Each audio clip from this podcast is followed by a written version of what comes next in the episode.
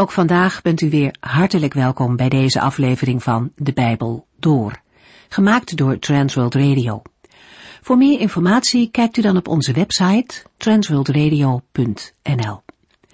In deze serie gaat u in vijf jaar tijd met ons de Bijbel door, van Genesis 1 tot en met het laatste vers in Openbaring 22. In de afgelopen uitzendingen heeft u kunnen luisteren naar het boek Hooglied. Vandaag maken we een stap naar het Nieuwe Testament en beginnen we met een brief aan de Colossense. Een korte brief waarin we mooie en bemoedigende versen zullen lezen. De overwinning van de Heer Jezus over alle zondemacht wordt in deze brief heel mooi beschreven. De komende twee weken willen we ons er graag met u in verdiepen. En mag ik u een idee aan de hand doen? Wanneer het mogelijk is, leest u dan voor de uitzending alvast het hoofdstuk waar we aan toe zijn. En verder kunt u ook uitzendingen beluisteren via onze website transworldradio.nl. Daar kunt u trouwens ook meer vinden. Daar staan de korte radiotoespraken van Corrie ten Boom bijvoorbeeld. Ze heeft veel jaren gesproken voor Transworld Radio. Corrie ten Boom was een vrouw met een geweldig vertrouwen op haar hemelse vader. Haar hele leven werd daardoor gekenmerkt. Het woord van God was een onuitputtelijke bron van inspiratie voor haar leven. En een van haar treffende uitspraken was, God kent geen problemen, alleen plannen. Op een eenvoudige manier wist zij de liefde van God dichtbij te brengen. Het is echt een aanrader om eens een keertje te luisteren naar haar toespraakjes op onze website. Ik noem hem nog even, transworldradio.nl. En van harte hoop ik dat u ook door de studie van vandaag gezegend wordt. En als u nou denkt, ik zou daar wel eens wat meer over willen weten, of ik wil wel eens doorpraten over wat ik hoor, of u loopt rond met vragen over het geloof, belt u ons dan. 0342 478432. Wij vinden het altijd fijn om van u te horen. Dan beginnen we nu met de inleiding op de Colossensebrief. Als er gezegd kan worden dat de brief aan de Efeziërs een beschrijving geeft van de gemeente van Christus, dan moet aan de brief aan de Colossense zeker het opschrift de Christus van de gemeente worden gegeven. Efeziërs concentreert zich op de gemeente van Christus als het lichaam van Christus en Colossense op Christus, het hoofd van zijn gemeente. Net als Efeziërs valt de brief aan de Colossense in twee delen uiteen. De eerste twee hoofdstukken vormen een leerstellig gedeelte en de hoofdstukken 3 en 4 een praktisch gedeelte. De bedoeling van Paulus is om aan te tonen dat Christus de soevereine is, de eerste en de belangrijkste in alles. En het leven van een christen behoort een weerspiegeling te zijn van deze prioriteit. Omdat gelovigen zijn geworteld in Hem, levend gemaakt met Hem, verborgen en volmaakt in Hem, is het voor hen volkomen onbestaanbaar een leven te leiden zonder Hem. Bekleed met Zijn liefde, met Zijn vrede die regeert in hun hart, zijn zij toegerust om Christus op elk terrein van hun leven te verheerlijken. Deze brief werd vanwege Colossense 1 vers 2 bekend als de brief aan de Colossense, of zoals we in het boek lezen, aan de broeders en zusters in Colosse. Maar Paulus wilde dat de brief ook werd voorgelezen in de naburige christengemeente van Laodicea. Naast de zeer goede bijbelse bewijzen bestaan er ook heel oude, steeds terugkerende externe verklaringen dat Paulus de auteur is van de brief aan de Colossense. In de brief wordt niet alleen vermeld dat hij door Paulus is geschreven, maar ook de persoonlijke details en de nauwe parallellen met de brief aan de Efeziërs en aan Philemon versterken deze gedachte. Toch is de echtheid van de brief aan de Colossense aangevochten op grond van woordgebruik en gedachtegang. In de vier hoofdstukken van deze brief worden 25 Griekse woorden gebruikt, die niet voorkomen in de andere brieven van Paulus. Maar, naar onze mening hoeft dat niet te betekenen dat Paulus daarom de brief niet heeft geschreven. We weten dat de apostel Paulus, een voormalige fariseer en een man met een brede belangstelling beschikte over een uitgebreide woordenschat. Vooral de achtergrond en het onderwerp van zijn brief, als ook de verwijzingen naar de dwaalleer in Kolossen, verklaren het gebruik van de bijzondere Griekse woorden. Tegenstanders van het auteurschap van Paulus, met betrekking tot de brief aan de Colossense, hebben uit een vergelijking van de verheven christologie in Colossense met de latere opvatting van Johannes dat Christus de Logos is, de conclusie getrokken dat dit begrip nog niet bestond in de tijd van Paulus. Maar er is geen enkele reden om aan te nemen dat de apostel Paulus niet bekend was met het werk van Christus als schepper, vooral niet met het oog op wat we lezen in Filippenzen 2, vers 5 tot en met 11. Het is eveneens een misvatting dat de dwaalleer die weerlegd wordt in Colossense 2 verband houdt met een volledig ontwikkelde vorm van gnostiek die pas in de tweede eeuw na Christus ontstond. De parallellen zijn alleen een aanwijzing dat Paulus een vroegere vorm van gnostiek behandelde. Colosse was een vrij onbelangrijke stad. Het lag ongeveer 160 kilometer ten oosten van Efeze, in het gebied van de zeven gemeenten uit Openbaring 1 tot en met 3. Gelegen in het vruchtbare Lycusdal bij een bergpas aan de weg van Efeze naar het oosten, was Colosse eens een dichtbevolkt handelscentrum, beroemd om zijn glanzende zwarte wol. In de tijd van Paulus was het voorbijgestreefd door de buursteden Laodicea en Hierapolis en raakte Colosse in verval. Afgezien van deze brief oefende Colosse nauwelijks enige invloed uit op de vroege kerkgeschiedenis. Uit Colossense 1 vers 4 tot en met 8 en 2 vers 1 blijkt dat Epaphras de christengemeente heeft gesticht en dat Paulus de gemeente te Colosse nog nooit had bezocht. Op zijn derde zendingsreis wijde Paulus meer dan drie jaar aan de verspreiding van het evangelie in Azië met Efeze als centrum. Waarschijnlijk is Epaphras in deze periode tot geloof in de Heer Jezus Christus gekomen. Hij bracht het evangelie naar de steden in het Lycusdal en bezocht jaren later Paulus in de gevangenis. Uit verschillende gegevens is op te maken dat de brief aan de Efeziërs, Colossense en Philemon ongeveer tegelijkertijd en onder dezelfde omstandigheden werden geschreven mede gezien de genoemde personen en de elkaar overlappende thema's.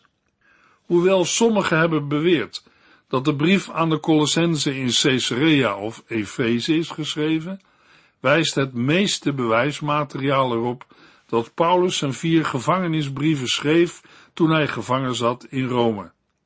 De brief aan de Colossense schreef Paulus in 60 of 61 na Christus.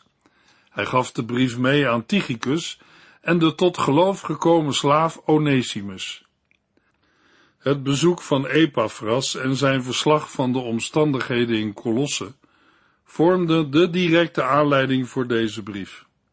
Hoewel de Colossensen er nog niet voor waren gezwicht, bedreigde een binnengedrongen valse leer de christengemeente in Colosse, die grotendeels uit niet-Joden was voortgekomen. De aard van deze dwaalleer kan alleen worden afgeleid uit de terloopse verwijzingen van de apostel in zijn weerlegging ervan in Colossense 2 vers 8 tot en met 23. Het was blijkbaar een religieus systeem dat een combinatie was van Griekse wijsbegeerte, Joods wetticisme en Oosterse mystiek.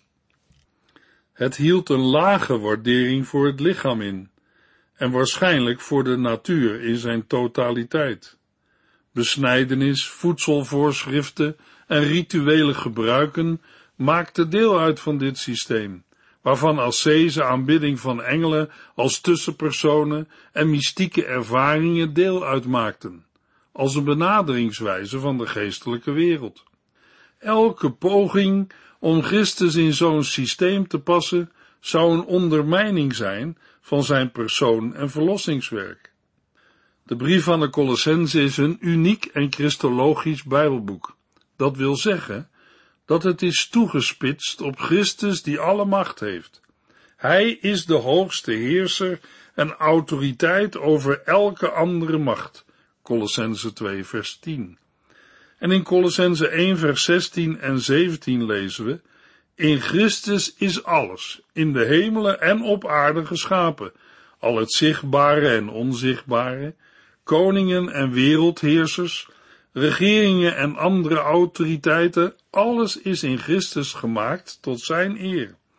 Hij was er al voordat er iets bestond en alles wat bestaat is er dankzij hem. Hij is de grondlegger van het verzoeningswerk, Colossense 1 vers 20 tot en met 22. Door zijn zoon heeft God een altijd durende vrede gesticht tussen zichzelf en alles wat in de hemelen en op aarde is. Doordat Christus zich aan het kruis heeft opgeofferd en zijn bloed heeft gegeven, is er verzoening met God. Dat geldt ook voor u, die vroeger zo ver van God verwijderd was. U leefde als vijand van hem, zoals bleek uit de slechte dingen die u dacht en deed. Maar nu heeft Hij u samen met Christus levend gemaakt en al uw overtredingen vergeven. Hij heeft ons strafblad dat tegen ons getuigde verscheurd, de lijst met regels, waaraan we ons niet hebben gehouden. Dat bewijs heeft hij vernietigd door het aan het kruis te slaan. Op die manier heeft God zich ontdaan van alle heersers en machten. Hij heeft hen in het openbaar te kijk gezet en daarmee laten zien dat zij door het kruis van Christus overwonnen en verslagen zijn. Christus is het fundament voor de hoop van de gelovigen, de krachtbron voor het nieuwe leven van de christenen, de verlosser en verzoener van de gelovigen. In de persoon van Christus is de onzichtbare God zichtbaar geworden. Hij is als eerstgeborene verheven boven de hele schepping. Want God had besloten met zijn hele wezen in zijn zoon te wonen. Want in hem woont het hele wezen van God in een lichamelijke gestalte. Christus is de schepper en onderhouder van alle dingen, het hoofd van de christelijke gemeente. Hij is het begin van alles en ging ons als eerste voor in de opstanding uit de dood.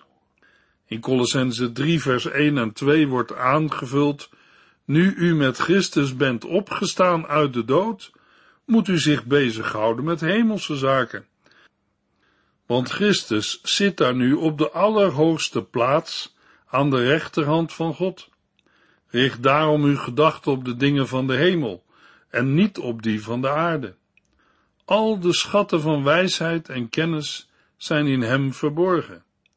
In Christus bent u dus volmaakt, want hij is de hoogste heerser en autoriteit over elke macht.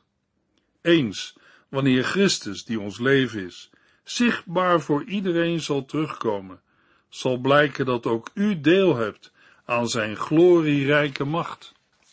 Een steeds terugkerend thema in de Colossensebrief is de soevereiniteit en het voldoende zijn, zijn genoegzaamheid, van Christus in alle dingen. Een gelovige is alleen volmaakt in hem en komt niets tekort, want in hem woont het hele wezen van God in een lichamelijke gestalte. Al de schatten van wijsheid en kennis zijn in hem verborgen. Verschillende beschouwingen, mystieke ervaringen of rituele voorschriften zijn overbodig, want alleen het geloof in Christus is voldoende. Het hoofddoel van Paulus is het weerleggen van een dreigende dwaalleer die Christus devalueert. Deze valse leer wordt bestreden door een positieve weergave van de werkelijke eigenschappen en kwaliteiten van Christus. Een juist beeld van Christus is het tegengift voor ketterij. Paulus schrijft de brief aan de Colossense ook om hen aan te sporen dat zij deze waarheid met heel hun hart geloven en er standvastig in blijven, zodat ze zullen groeien en vrucht dragen. Dan zult u tot eer van de Heere leven en doen wat Hij graag wil. Hoe beter u God leert kennen, hoe vruchtbaarder uw leven zal zijn. Een strikte gehoorzaamheid aan het ware evangelie zal de gelovigen in Kolossen standvastig en weerbaar maken tegen vijandige invloeden. Colossense 2 vers 9 en 10 en 3 vers 1 en 2 zijn sleutelverzen.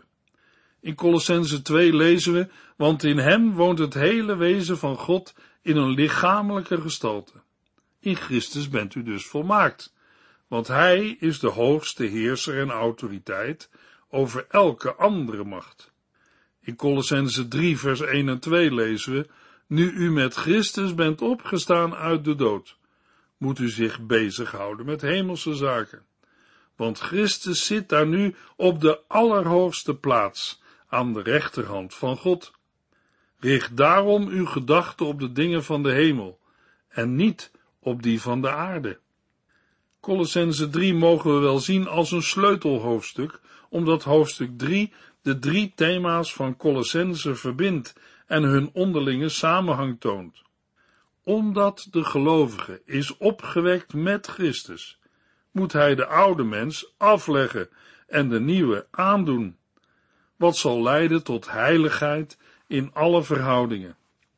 Als we Colossense in vogelvlucht weergeven, dan kunnen we het volgende zeggen.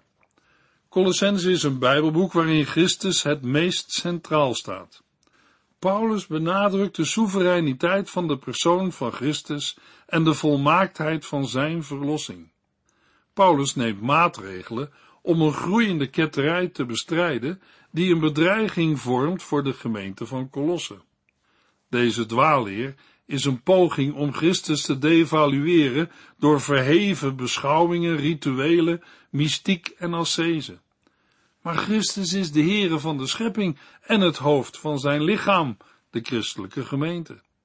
Hij voorziet volledig in elke geestelijke en praktische behoefte van een gelovige. In de tweede helft van de brief werkt Paulus de toepassing van deze principes in het dagelijks leven uit. De leerstellingen in Colossense 1 en 2 moeten vruchten voortbrengen in de praktijk van het dagelijks leven. Colossense 3 en 4.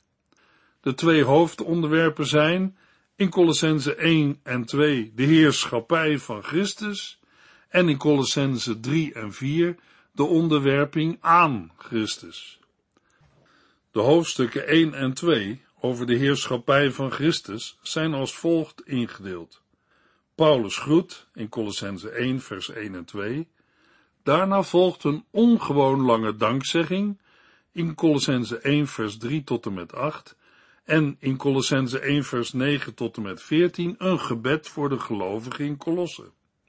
Paulus vraagt zich met zorg af of de Colossense wel komen tot een dieper inzicht in de persoon en de macht van Christus. Zelfs in Colossense 1 vers 13 begint Paulus al met het ontwikkelen van zijn hoofdthema, de soevereiniteit van Christus.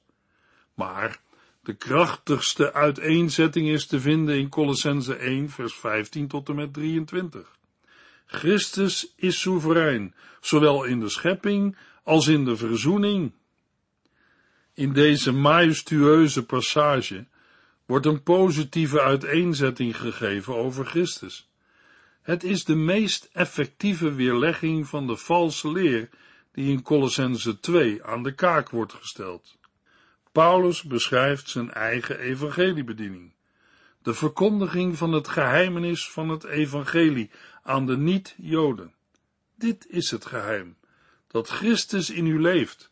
Hij is uw hoop op Gods heerlijkheid. En, hij verzekert zijn lezers, dat hoewel hij hen niet persoonlijk ontmoet heeft, hij er sterk naar verlangt dat ze diep geworteld zullen raken in Christus alleen, die soeverein is in de gemeente. Dit is vooral belangrijk met het oog op valse leraren, die hen zouden misleiden met bedrieglijke mooie woorden, ijdele ideeën en verleidelijk gepraat, wettische Joodse rituelen, ongepaste mystiek zoals zelfvernedering of verering van engelen en zinloze ascese. Telkens stelt Paulus de dwaling tegenover de waarheid over Christus. In Colossense 3 en 4 gaat het dan praktisch verder onder het thema onderwerping aan Christus. De eenheid van de gelovigen met Christus in zijn dood, opstanding en verheerlijking is het fundament waarop het aardse leven van een gelovige gebouwd moet zijn. Omdat een gelovige gestorven is met Christus, moet hij of zij zichzelf zien als dood voor de zonde en alle aardse zonden wegdoen. Op grond van de opstanding met Christus moet een gelovige zichzelf zien als levend voor Christus. Colossense 3 vers 10. Maar nu bent u een nieuwe mens, die nog steeds groeit en God beter leert kennen. Zo zult u meer en meer gaan lijken op God die u gemaakt heeft. Een gelovige moet zich kleden met de nieuwe eigenschappen die worden ingegeven door christelijke liefde. Door de overgang van het innerlijke leven naar het uiterlijke leven geeft Paulus de verandering aan die het geloof in Christus teweeg moet brengen in de verhoudingen binnen het gezin en daarbuiten. De brief aan de Colossense besluit met een mededeling over Tychicus en Onesimus, die de brief hebben meegenomen, met groeten en instructies en een kort afscheidswoord. Na deze introductie gaan we nu beginnen met het lezen van de brief en de uitleg. Colossense 1 vers 1 Van Paulus, door God aangesteld als apostel van Christus Jezus en van onze broeder Timotheus. Paulus is de naam die de apostel gebruikte in een Grieks-Romeinse omgeving. Onder Joden noemde hij zich Saulus, afgeleid van een Hebreeuws woord dat gevraagd, gebeden, geleend of afgestaan betekent. Timotheus was een van Paulus' meest geliefde medearbeiders. Zijn naam wordt verder in de brief niet meer genoemd, en met uitzondering van een aantal versen in Colossense 1 en 4, waar de apostel het woordje wij gebruikt, spreekt Paulus in de brief alleen namens zichzelf door het woordje ik te gebruiken. Aan het begin van de brief maakt Paulus duidelijk dat zijn autoriteit en volmacht om te vermanen ligt in het feit dat hij een apostel, een gezondene, een vertegenwoordiger en afgezant van Jezus Christus is. Hij is door God aangesteld. In Handelingen 9 hebben we gelezen wat de Heere tegen Ananias zei toen hij protesteerde om naar de net bekeerde Saulus te gaan. Handelingen 9 vers 15. Maar de Heere zei tegen hem, toch moet u gaan, Ananias. Ik heb besloten die man te gebruiken. Ik heb hem uitgekozen om mij bekend te maken aan andere volken en hun koningen en ook aan het volk van Israël. Ik zal hem duidelijk maken hoeveel leed hij voor mij moet doorstaan. Paulus stelt dit zo duidelijk omdat hij zelf de Colossense waarschijnlijk nooit had bezocht. Maar hij wist zich toch genoodzaakt en geroepen de gemeente te waarschuwen voor de dwaaleringen die haar bedreigden. Colossense 1 vers 2 Aan de broeders en zusters in Colosse, die trouw en in geloof Christus volgen. Wij wensen u de genade en vrede toe van God, onze Vader. Paulus begint de brief met de in zijn tijd gebruikelijke openingsformulering. Eerst werd de afzender genoemd en daarna de geadresseerden. Vervolgens werd daarna de groeten gedaan. We komen de aanhef ook wel tegen in het Oude Testament, bijvoorbeeld in Daniel 4 vers 1 en in het Nieuwe Testament, bijvoorbeeld in Handelingen 15 vers 23. In plaats van het gewone gegroet gebruikt Paulus het woord genade, een woord van dezelfde stam, maar met een veel diepere betekenis. Naar Oosters gebruik wordt de vredegroet toegevoegd. Vrede is de Griekse weergave van het Hebreeuwse woord shalom, dat niet alleen afwezigheid van oorlog inhoudt, maar een algehele toestand van welzijn en geluk. Samen vormen deze woorden een diepe, inhoudsrijke zegenbede. In de Griekse grondtekst staat voor de vertaling aan de broeders en zusters in Kolosse, aan de in Kolosse zijnde heilige en gelovige broeders in Christus. Het Griekse woord kan als heiligen, zelfstandig naamwoord, maar ook als heilige, bijvoeglijk naamwoord, worden opgevat, zodat het hoort bij broeders. Gezien de overeenkomst met de aanhef van andere brieven van Paulus, lijkt het eerste waarschijnlijker. Heiligen zijn mensen die apart gezet zijn, aan de Heere gewijd. Dat heeft tot gevolg dat zij overeenkomstig deze aparte heilige status moeten leven. In 1 Petrus 1 vers 16 geeft de apostel Petrus aan dat de Heere dat zelf heeft gezegd. Wees heilig, want ik ben heilig.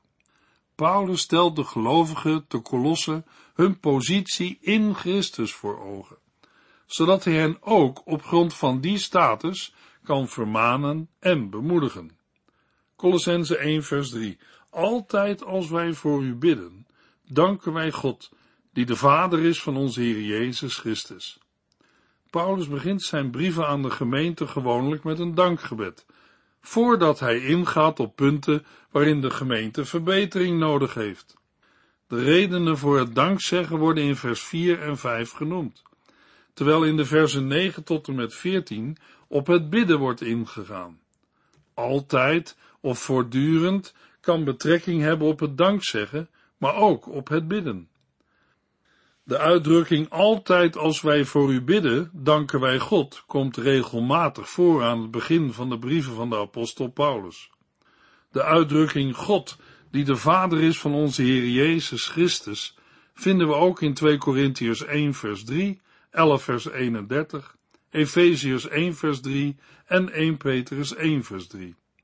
Met deze woorden wordt benadrukt dat God dezelfde is als de Vader van onze Heer Jezus Christus. In de volgende uitzending lezen we verder in Colossense 1.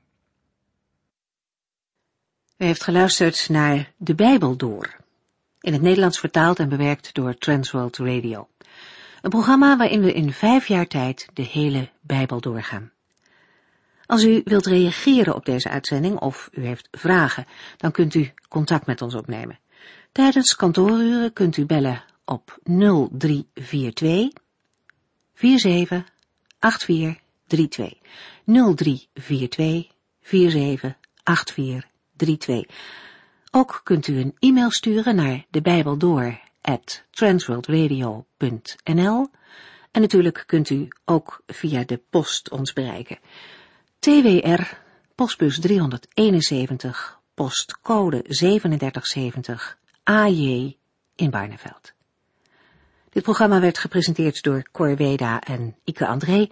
Techniek was in handen van Odin van Woerkom. En wij allemaal bedanken u voor het luisteren. Graag tot de volgende keer.